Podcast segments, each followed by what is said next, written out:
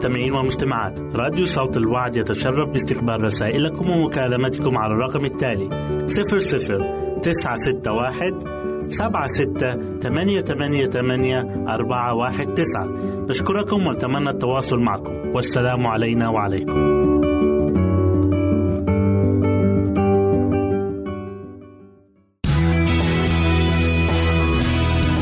استماع وتحميل برامجنا من موقعنا على الإنترنت www.awr.org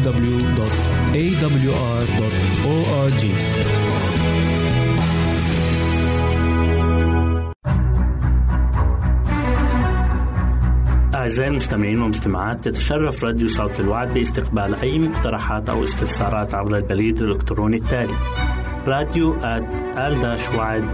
في مرة أخرى بالحروف المتقطعة R A D I O at A L شرطة W A A D نقطة تي في والسلام علينا وعليكم.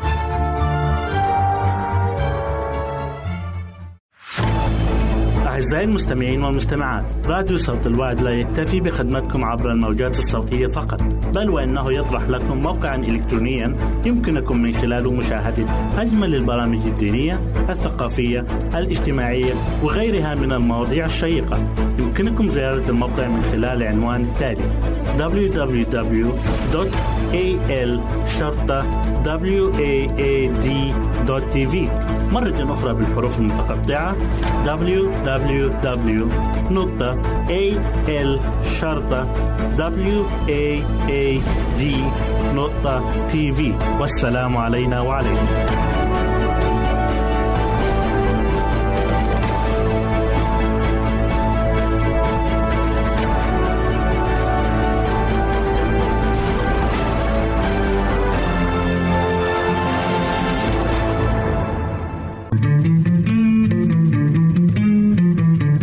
أنتم تستمعون إلى إذاعة صوت الوعي.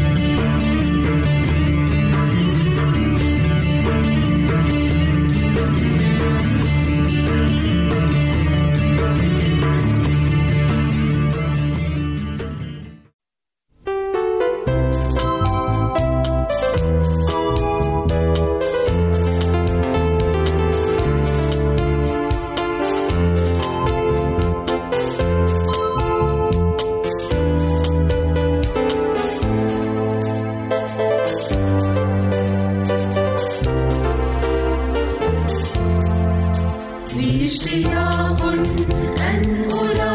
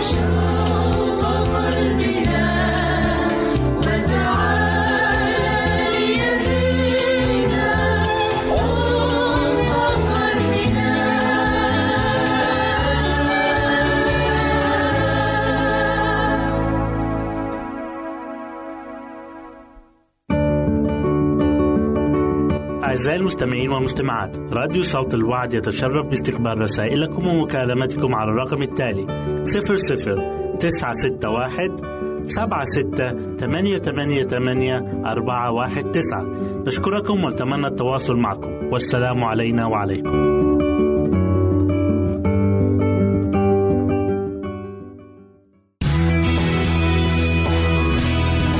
استماع وتحميل برامجنا من موقعنا على الإنترنت www.awr.org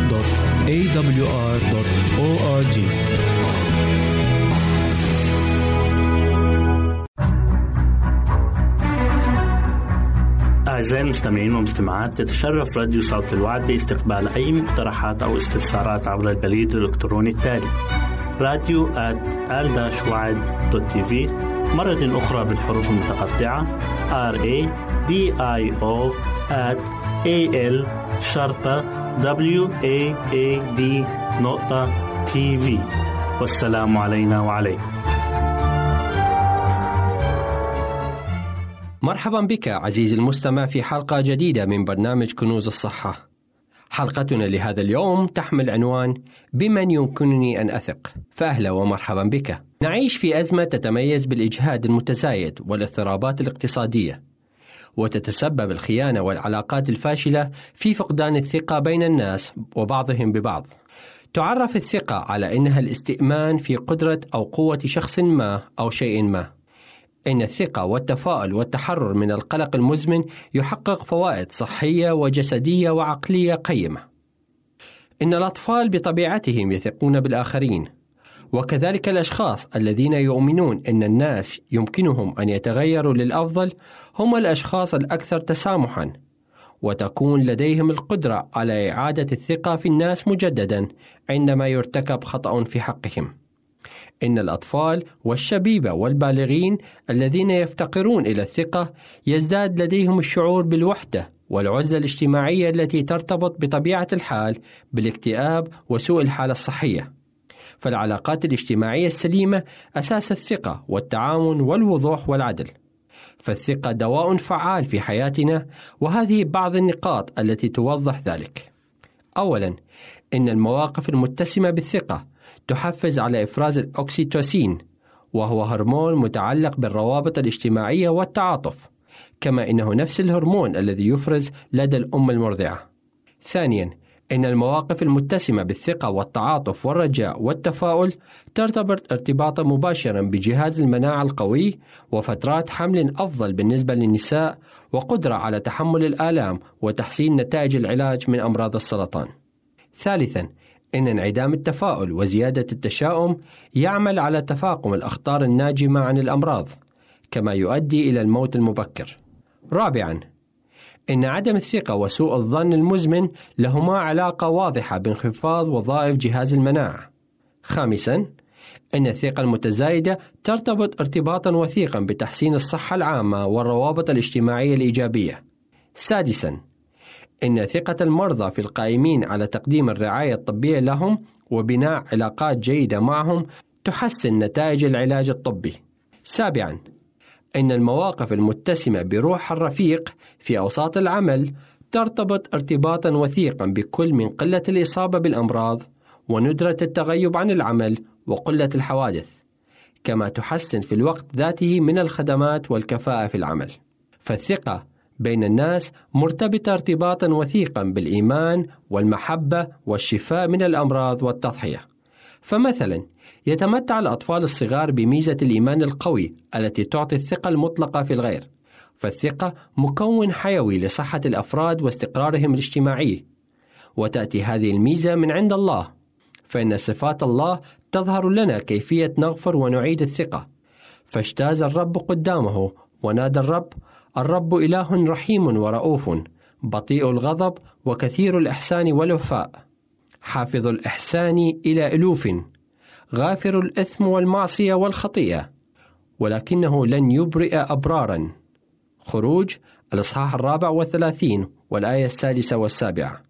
نحن يمكننا الاعتماد على الله. هو الصخر الكامل صنيعه. إن جميع سبله عدل. إله أمانة لا يجور فيه. صديق وعادل هو. تثنية الإصحاح الثاني والثلاثين والآية الرابعة. هنا نرى صورة الله هي تتجسد لكل الصفات التي تجعلنا نثق فيه. ولأنه الله فنحن يمكننا الثقة فيه تماما. يدعون الله إلى أن نثق فيه لأنه يحبنا كما نحن. ففي رسالة يوحنا الأولى الإصحاح الرابع والآية التاسعة عشر يقول الكتاب نحن نحبه لأنه هو أحبنا أولا. إن كلمة محبة تأتي في الأصل من عند الله وتتدفق المحبة من الله إلينا ويمكننا ذلك من محبته في المقابل.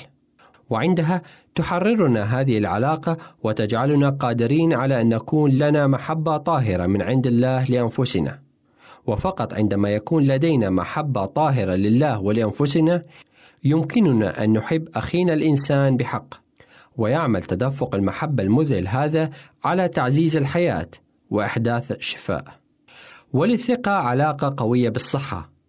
فعندما نقبل محبة الله غير المشروطة لنا ونثق بالتمام في قدرته على تغيير حياتنا فإننا نتنشط للاعتناء بأنفسنا بشكل أفضل حتى نعكس صفات الله إلى عالم محتاج إلى المحبة.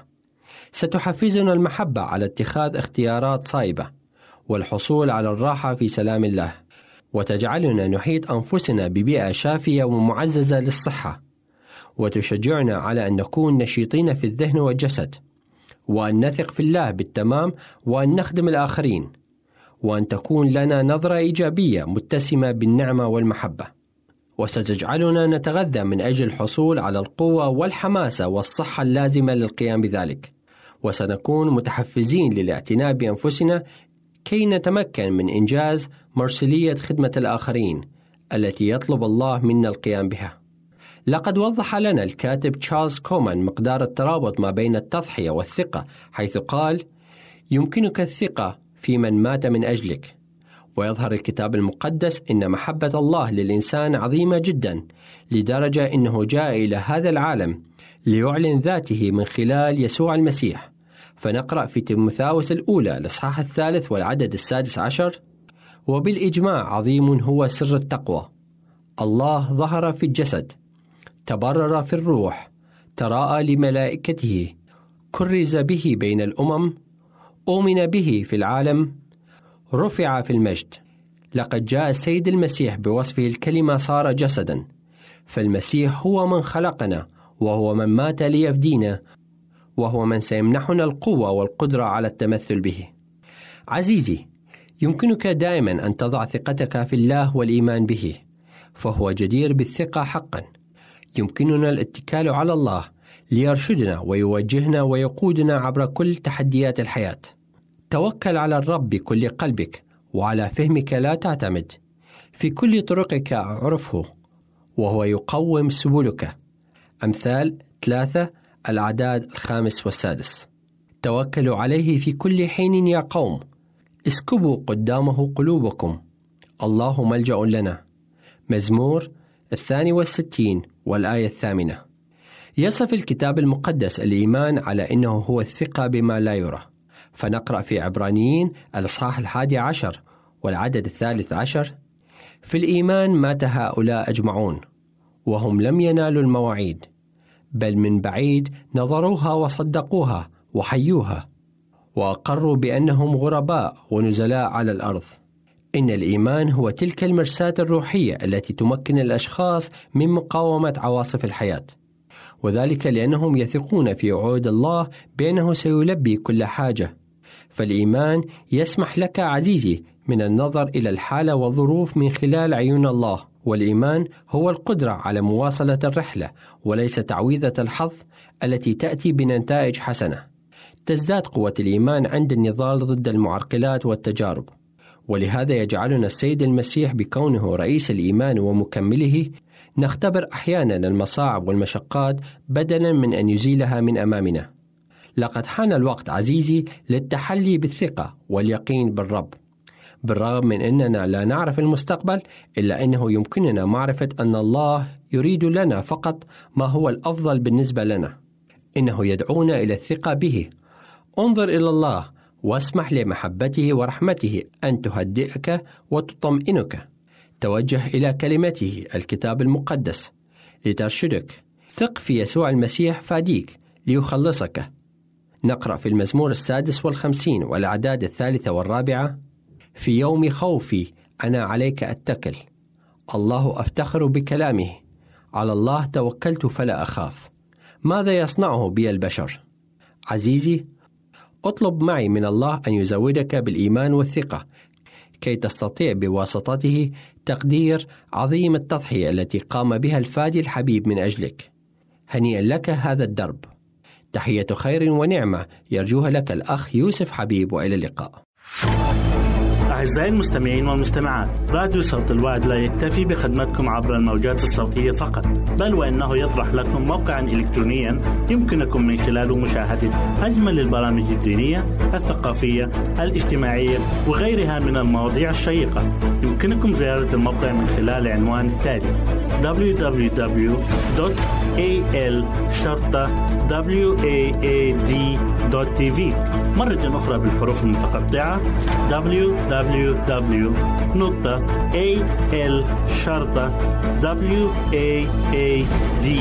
www.al-waad.tv والسلام علينا وعليكم.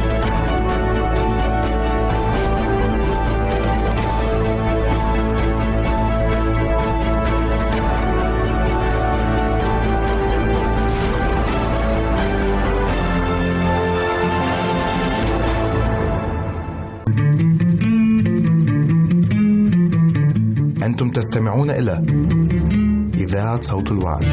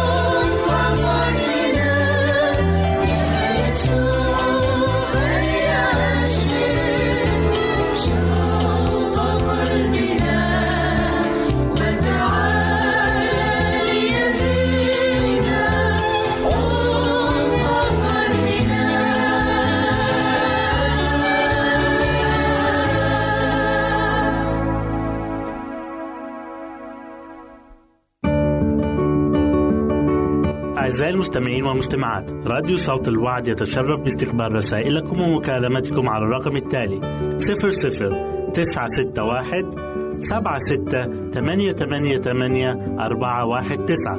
نشكركم ونتمنى التواصل معكم. والسلام علينا وعليكم.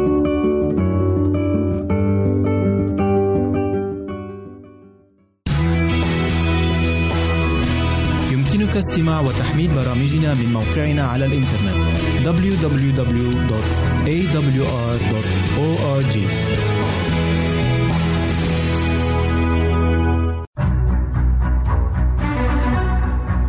أعزائي المستمعين والمستمعات تتشرف راديو صوت الوعد باستقبال أي مقترحات أو استفسارات عبر البريد الإلكتروني التالي راديو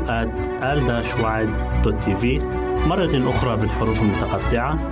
R A D I O A L شرطة W A A D نقطة تي في والسلام علينا وعليكم. أيها الشبيب الأعزاء أهلا بكم إلى برنامجكم الروحي من قصص العظماء إذ نعيش فيه روعة اختراع قام به ضيف حلقتنا وهو جورج ويستنغهاوس حيث اخترع كوابح لإيقاف قطار صغير وأنقذ حياة مزارع كان يحاول دفع حماره والعربة من على سكة الحديد. يتحدث الرسول يعقوب عن عضو صغير بحاجة إلى فرامل، يستعملها الإنسان ليوقفه في حالة صعوبة السيطرة عليه. ذاك العضو هو اللسان، فيقول واصفا إياه في رسالته الأصحاح الثالث والآية الثامنة: وأما اللسان فلا يستطيع أحد من الناس أن يذلله، هو شر لا يضبط مملوء سما مميتا. لو كان الرسول يعقوب يعيش بيننا اليوم وفي مجتمعنا المليء بالمحركات لكان قد كتب بطريقة مختلفة كقوله مثلا نستطيع إيقاف كل المركبات عن طريق الضغط على الفرملة ولكن لا يوجد مكبح للسان. ولا طريقة لإيقاف الضرر الذي يحدثه. في أحد أيام شهر نيسان أبريل من عام 1869 شهد جورج ويستنغهاوس عمل الكوابح الجيدة بطريقة عملية. لقد حان اليوم الذي قرر فيه اختبار فعالية الفرامل الجديدة على قاطرة تجر أربع عربات للركاب على سكة حديد بمدينة بيتسبرغ بولاية بنسلفانيا. وفي صباح ذلك اليوم أجرى اللمسات الأخيرة في فحصه للكوابح التي تعمل بضغط الهواء والتي كان قد اخترعها وركبها على تلك القاطرة وكان كل شيء في أفضل صورة. حضر مفتش المحطة ومعه فريق من عمال المحطة ثم جاء مهندس لفحص فعالية الكوابح وصعد معه أيضا جورج ويستنغهاوس أعطيت إشارة البدء.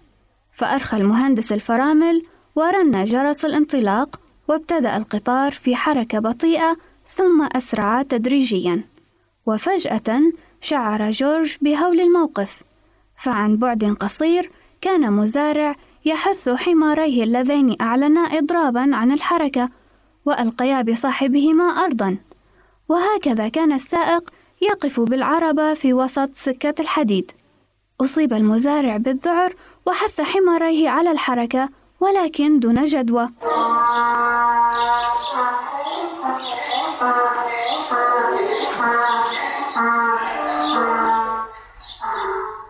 دب الذعر في جورج من فكرة أن المزارع سيقع تحت عجلات القطار. وهنا صاح جورج الفرامل! فأسرع المهندس إلى عتلة الفرامل وأدارها دورة كاملة. وصدر عن ذلك صوت مرتفع حيث اندفعت وسائد المكبح إلى مكانها.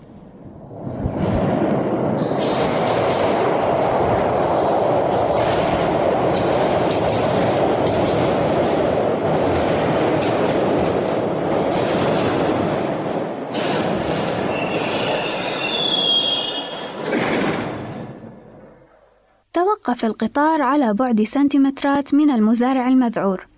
وربت مفتش المحطة على كتفي جورج مهنئا بقوله. لا شك في أن الفرامل التي اخترعتها نجحت في الامتحان.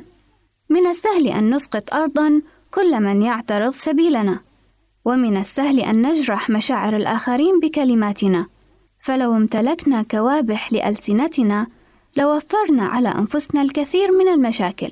اطلب من الخالق تبارك اسمه أن يمنحك ضوابط للسانك وبقوته تستطيع أن تتوقف عن قول الكلمات الجارحة أو عندما توشك أن تسقط أحدهم أرضا أو أن تنعته بألفاظ نابية. فبقوته فقط تستطيع أن تتوقف قبل إلحاق الأذى بصديق. أعزائي كان النبي داود على علم واسع بخطر زلة اللسان فكتب الكثير عن ضبط اللسان. لنستمع الآن بعضا مما قاله. قلت أتحفظ لسبيلي من الخطأ بلساني. أحفظ لفمي كمامة فيما الشرير مقابلي. ثم صلى قائلا اجعل يا رب حارسا لفمي. احفظ باب شفتي. إلى أن نلتقي نترككم مع صلاة إمام المغنين داود في المزمور التاسع عشر والآية الرابعة عشر. لتكن أقوال فمي وفكر قلبي مرضية أمامك يا رب صخرتي ووليي آمين. أعزائي المستمعين والمستمعات راديو صوت الوعد لا يكتفي بخدمتكم عبر الموجات الصوتية فقط بل وإنه يطرح لكم موقعا إلكترونيا يمكنكم من خلاله مشاهدة أجمل البرامج الدينية الثقافية الاجتماعية وغيرها من المواضيع الشيقة. يمكنكم زيارة الموقع من خلال العنوان التالي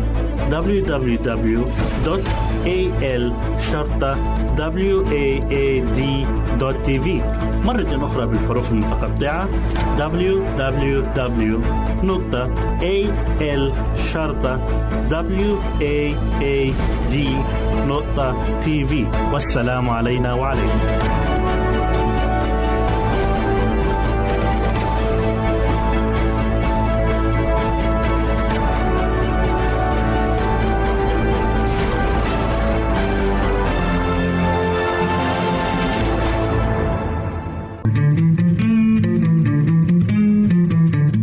تستمعون إلى إذاعة صوت الوعي.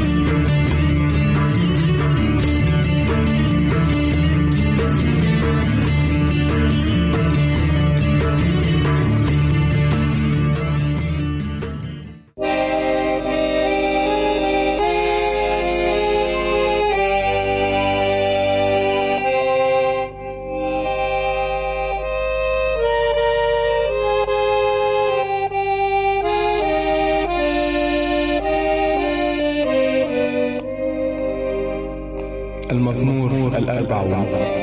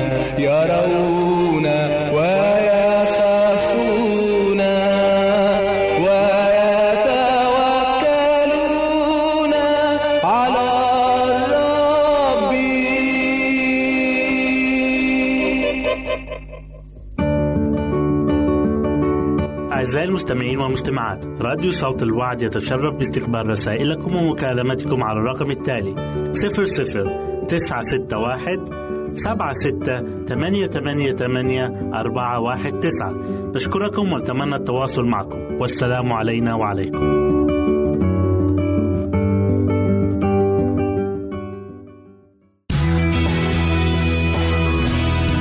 يمكنك استماع وتحميل برامجنا من موقعنا على الإنترنت www.awr.org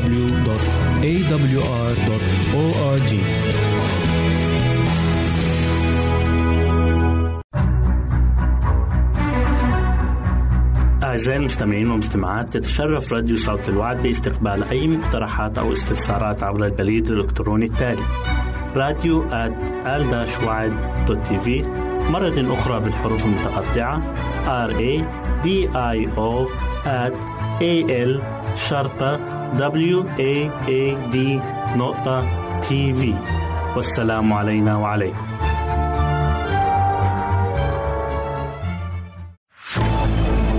أعزائي المستمعين والمستمعات راديو صوت الوعد لا يكتفي بخدمتكم عبر الموجات الصوتية فقط بل وإنه يطرح لكم موقعا إلكترونيا يمكنكم من خلاله مشاهدة أجمل البرامج الدينية الثقافية الاجتماعية وغيرها من المواضيع الشيقة. يمكنكم زيارة الموقع من خلال العنوان التالي www.al-waad.tv مرة أخرى بالحروف المتقطعة www.al-waad.tv والسلام علينا وعليكم.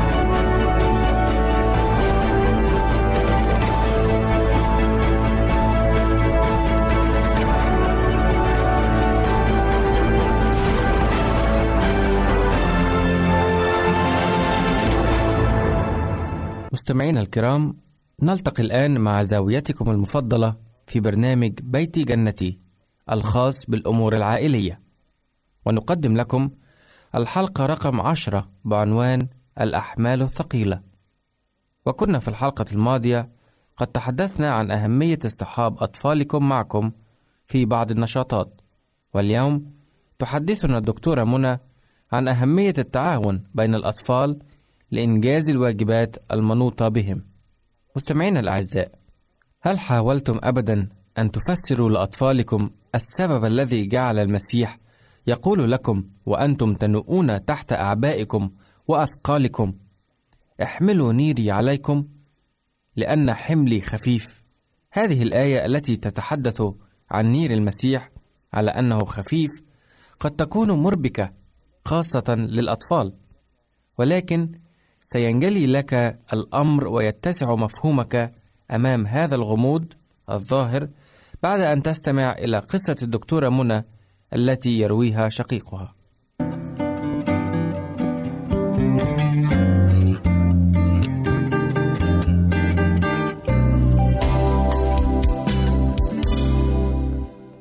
بالفعل كان شقيقي رشاد ينوء تحت حمل ثقيل من أسبوع لآخر فقد كان عليه أن يقص الحشيش الذي أمام المنزل. ولم تكن الماكينة الآلية لقص الحشيش قد اخترعت بعد في تلك الأيام. فكان هذا العمل يستغرق منه الجهد والوقت وكان هو يفضل أن يستثمر هذا الوقت والجهد في اللعب مع الأصدقاء بالكرة. ظل رشاد يتأفف ويتذمر ويتوسل إلى والدته أن تعفيه من هذه المهمة. ولكن كل توسلاته تلك لم تجعل الأم تغير رأيها. كان عليه إتمام العمل الذي أوكل إليه وكلف القيام به. وفي يوم من أيام الصيف الجميلة اتصل أحد الأصدقاء برشاد باكرا في الصباح وأخبره أن كافة الأولاد الذين في عمره سيلعبون كرة القدم ذلك اليوم وأنهم يريدونه أن يلعب معهم في تمام الساعة العاشرة صباحا. أجاب رشاد قائلا كم أتوق لتلبية هذه الدعوة الحلوة؟ ولكن اليوم يوم قص الحشيش. وحتى لو بدأت العمل فيه الآن فلن أنتهي منه أبدا في الساعة العاشرة. وأنت تعرف تشدد والدتي فهي لا تسمح لي أبدا أن ألعب الكرة قبل أن أقص الحشيش أولا. عندئذ خطرت لرشاد فكرة فقال لمحدثه لكن إذا أحضرت أنت ماكينة القص الخاصة بكم وساعدتني في عملي فقد ننهي العمل سويا بحلول الساعة العاشرة. بعد عدة دقائق حضر ماجد جاره ومعه الماكينة وأخذ الاثنان يتسابقان في إنجاز المهمة معا. وكان في أثناء العمل يركضان خلف بعضهما أو يلقيان الحشائش أحدهما على الآخر. لقد حولا العمل في الحشيش إلى لعبة مسلية وسرعان من قضت المهمة. وفي المرة التالية التي كان على رشاد أن يقص فيها الحشيش اتصل بعدة أصدقاء ودعاهم إلى حفلة لقص الحشيش. وهكذا لعب الجميع وهم يعملون في قص الحشيش. وسرعان ما انتهت المهمة في وقت أقل حتى من المرة السابقة. وهكذا ما عادت مهمة قص الحشيش صعبة على رشاد. وما عادت تشكل حملا ثقيلا عليه. فما الذي أحدث هذا التغيير؟ كان الحل في استعانة رشاد بجهود وطاقات أخرى فالعمل بالتعاون مع الآخرين خفف عليه الحن ولكن قد تقول وما علاقة هذا كله بموضوع دعوة يسوع لأن نحمل نيره علينا بينما نحن ننوء تحت أثقالنا وأعبائنا الأمر ببساطة هو أن النير يستخدم لتوزيع الحمل الثقيل حتى يمكن رفعه بسهولة. والمعروف أن النير هو الخشبة التي توضع على رقبة بقرتين تجران المحراث. وبالمثل فإذ نأخذ نحن نير المسيح علينا فإن حملنا الثقيل يتوزع بيننا وبينه وبالتالي يصبح أخف علينا. ويمكنك أن تساعد أطفالك على فهم الحق المتضمن في الآيات الواردة في متى 11 29 و 30 وذلك بأن تطلب إليهم أن يتظاهروا وكأنهم ملزمين بحمل خمسة جالونات من الماء. معظم الأطفال لا يستطيعون رفع الدلو المملوء بهذه الكمية من الماء ناهيك عن حمله والسير به. فكيف يمكن لهذا الثقل أن يبدو خفيفا؟ من بين الإجابات لهذا السؤال هو أن نقسم كمية الماء على دلوين أو وعاءين ونربطهما في طرفي عمود خشبي طويل. فمتى وضع الطفل رقبته تحت منتصف العمود فإنه يستطيع رفع الدلوين معا بسهولة رغم أن الوزن أصبح أثقل إذ أضيف إليه العمود. وهذا عين ما يفعله يسوع بأثقالنا وأحمالنا ومشاكلنا. عندما نأخذ نيره علينا وكأنه يقول لنا عندي الموارد والوسائل التي تخفف من أحمالكم وما عليكم إلا أن تطلبوا مني فأعطيكم نيري. ذلك هو الحل لكافة المعضلات التي تواجه الأطفال ونستطيع أن نعطي بعض الأمثلة على هذه المعضلات والمشاكل مثل البحث المدرسي الذي يتحتم على التلميذ إعداد وتقديمه للمعلمة في الميعاد عدم إيجاد أصدقاء يلعب معهم الطفل في المدرسة نسيان الطفل طعامه في البيت فلا يجد ما يأكله في المدرسة في وقت الراحة ماذا يمكن للأطفال أن يعملوا في مثل هذه الحالات؟ عوض أن يلقوا بالمسؤولية على غيرهم أو ينكمشوا أمامها في استسلام ويأس يمكنهم أولا أن يطلبوا العون من المسيح اطلبوا نيره أي موارده. ثانيا اقبلوا تلك الموارد النير الذي يوفره لكم مثل ما حدث في موضوع الأصدقاء وقص الحشيش والفكرة التي لجأ إليها رشاد لتخفيف عنه عبء قص الحشيش بمفرده. لن يكون العبء أثقل أبدا من أن يحمل إذا تذكر الأطفال أن لله موارد تتعدى خيالنا. فلنطلب فقط نيره كي نتمكن من حمل أثقالنا بسهولة.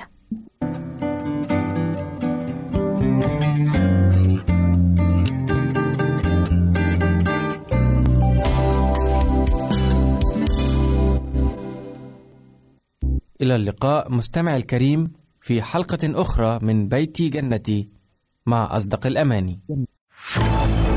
أعزائي المستمعين والمستمعات راديو صوت الوعد لا يكتفي بخدمتكم عبر الموجات الصوتية فقط بل وإنه يطرح لكم موقعا إلكترونيا يمكنكم من خلاله مشاهدة أجمل البرامج الدينية الثقافية الاجتماعية وغيرها من المواضيع الشيقة. يمكنكم زيارة الموقع من خلال العنوان التالي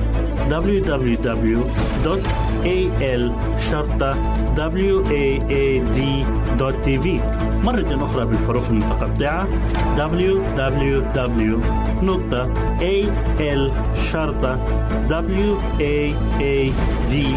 www.al-waad.tv والسلام علينا وعليكم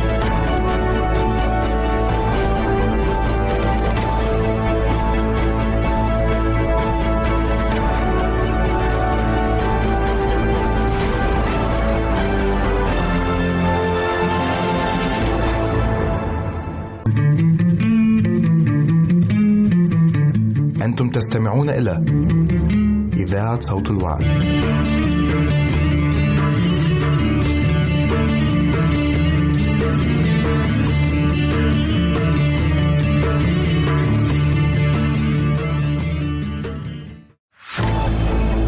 أعزائي المستمعين والمستمعات راديو صوت الوعد لا يكتفي بخدمتكم عبر الموجات الصوتية فقط بل وإنه يطرح لكم موقعا إلكترونيا يمكنكم من خلاله مشاهدة أجمل البرامج الدينية الثقافية الاجتماعية وغيرها من المواضيع الشيقة. يمكنكم زيارة الموقع من خلال العنوان التالي www.al waad.tv مرة أخرى بالحروف المتقطعة www.al-waad.tv والسلام علينا وعليكم.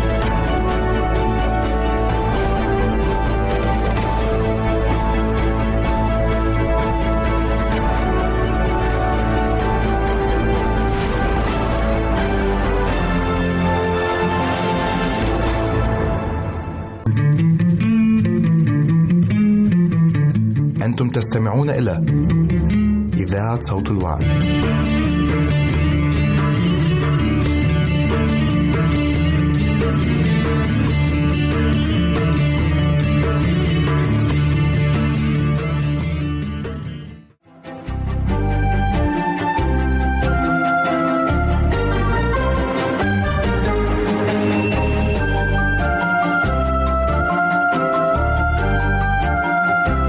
أخرى أعزائي المستمعين نرحب بكم في حلقة جديدة من برنامج دروس حياتية من عائلات كتابية.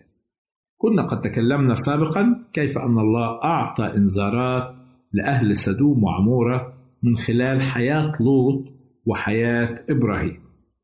ولكن قد يتبادر إلى ذهننا سؤالها إذا كانت حياة لوط بارة وكان يتعذب ويتألم بسبب شرور أهل سدوم كما يذكر الكتاب المقدس. فلماذا لم يترك سدوم ويعيش في مكان آخر بعيدا عن هذه الشرور التي كانت تحيط به وببيته من كل جهة؟ هذا سؤال منطقي على الرغم من إيمانه بالله إلا أنه كان يتطلع إلى الثروة الزمنية وكان يبحث عن المكاسب المادية.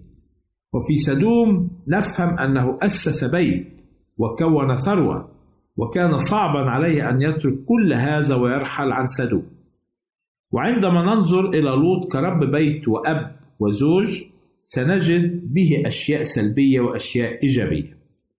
الأشياء السلبية أنه على الرغم من أنه تعبد للإله الحقيقي مع عمه إبراهيم إلا أنه اختار سدوم من أجل وفرة أرباحها وأموالها.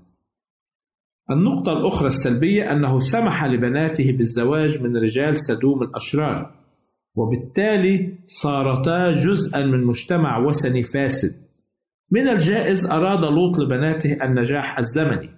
أرادهما أن يتمتعا بثروة زمنية ولكن هذه الثروة للأسف كانت على حساب خلاصهم الأبدي.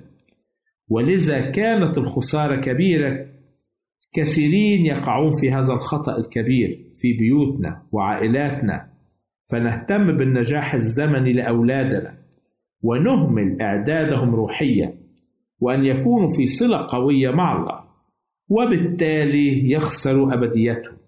يجب أن نهتم بالحياة الروحية لأولادنا أولا. كذلك نجد أن لوط كزوج كان له أثر سلبي على زوجته. فلقد تأثرت زوجته بتطلعات زوجها للنجاح الزمني. لذلك عندما أخرجهم الملكان وطلب منهم أن يهربا ولا ينظر ولا ينظران إلى الوراء كان تفكير زوجة لوط في البيت والثروة والممتلكات التي خلفاها وراءه وتركاها تدمر في سدوم. ولشدة تعلقها بالأشياء المادية التفتت إلى الوراء فيقول الكتاب المقدس فصارت عمود ملح. أيضا نجد بسبب تردد لوط وضعف إيمانه كان تأثيره ضعيفا جدا على أصهاره. فعندما أنذرهم بهلاك المدينة يقول الكتاب أنه كان كمازح في أعينهم. إذا لم نكن متيقنين المؤمنين بالرسالة التي ننادي بها فلن يكون لنا تأثير على الآخرين. نجد أيضا تأثير النشأة في بيئة فاسدة أثر على أخلاق ابنتي لوط. فانتقل هذا الفساد نتيجة المعاشرات الرديئة إلى المكان الذي هرب فيه لوط وابنتيه. ونتيجة لمؤثرات سدوم الشريرة لم تفرق ابنتاه بين إطاعة الله واتباع نمط سدوم. وكما نعرف من الكتاب المقدس كيف سقطا أبيهما خمرا؟ واضطجعت معه الابنة الكبرى والابنة الصغرى وأنجبت كل منهما ومن نسلهما جاءت أمتين وثنيتين هما المؤابيين والعمونيين اللتين سببتا متاعب كثيرة بالنسبة لشعب الله. يقول الكتاب المقدس عن الإنسان المهتم بجمع الثروات. هناك عدة آيات سوف نقرأ آية واحدة في تيمساوس الأولى الأصحاح السادس والعدد التاسع يقول وأما الذين يريدون أن يكونوا أغنياء فيسقطون في تجربة وفخ وشهوات كثيرة غبية ومضرة تغرق الناس في العطب والهلاك أيضا نريد أن نسأل سؤال آخر هل كان هناك أشياء سلبية فقط في حياة لوط أم أن هناك أشياء إيجابية أيضا؟ وما هو السبب الحقيقي وراء إنقاذ لوط من الهلاك؟ كان هناك أشياء إيجابية في حياة لوط. تعلم من عمه إبراهيم الكرم وحسن الضيافة. وهذا جعله يستضيف من الملائكة وهو لا يعلم. لو لم يكن لوط قد استضافهم من الجائز كان سيترك ليهلك مع أهل سدوم. برغم من السلبيات الكثيرة في حياة لوط إلا أنه احتفظ في قلبه بمخافة الرب. إذ يعلن عنه الكتاب المقدس أنه رجل بار وعندما دخل ليعيش في سدوم عزم في قلبه أن يحفظ نفسه من الإثم كذلك أفراد أسرته ولكنه فشل فشل ذريعا حيث يخبرنا الكتاب أن المعاشرات الرديئة تفسد الأخلاق الجيدة. السبب الحقيقي وراء إنقاذ لوط يخبرنا عنه تكوين 19 لوط كان متمسكا بالأشياء المادية التي له في سدوم. لوط توانى في الخروج حتى أن الكتاب المقدس يذكر أن الملائكة أمسك بيديه وامرأته وابنتيه وأخرجاه خارج المدينة. والكلمة الجميلة التي تؤكد السبب الحقيقي لإنقاذ لوط هذه الكلمات وهذه الآية لشفقة الرب عليه. محبة الله ورحمته هي التي أخرجت لوط وعائلته من هلاك سدوم كتير من البيوت والعائلات تشبه عائلة لوط في تمسكها وتعلقها بالأشياء المادية. لكن صوت الرب يقول اخرجوا منها يا شعب لئلا تشتركوا في خطاياها ولئلا تأخذوا من ضرباتها. في يوم ما ستنتهي الأرض وكل المصنوعات التي فيها ستحترق. وكثيرين ممن يتعلقون ويتمسكوا بالأشياء الزمنية ولا يفكروا في خلاصهم الأبدي سيحترقون أيضا مع الأرض. ولكن نشكر الله أنه أبقى لنا بقية. يريدنا أن نكون معه في الحياة الأبدية لذلك يتمهل علينا حتى نتوب ونرجع إليه لكي ينقذنا من الهلاك الأبدي. في ختام حلقة اليوم سعدت أعزائي المستمعين أن أكون معكم وإلى اللقاء في حلقة جديدة. سلام الرب يكون معكم. نرجو التواصل معنا عبر هذه العناوين. للتشات www.al-waad.tv وللرسائل radio at al-wad.tv والاتصال عبر الواتساب 961 76 888 419 961 76 888 419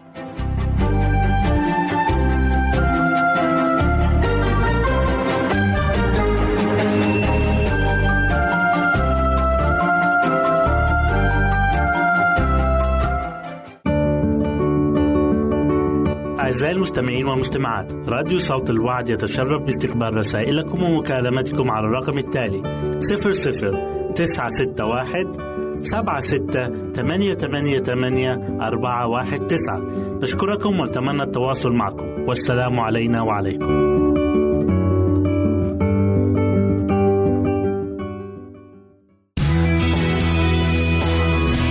يمكنك استماع وتحميل برامجنا من موقعنا على الإنترنت. www.awr.org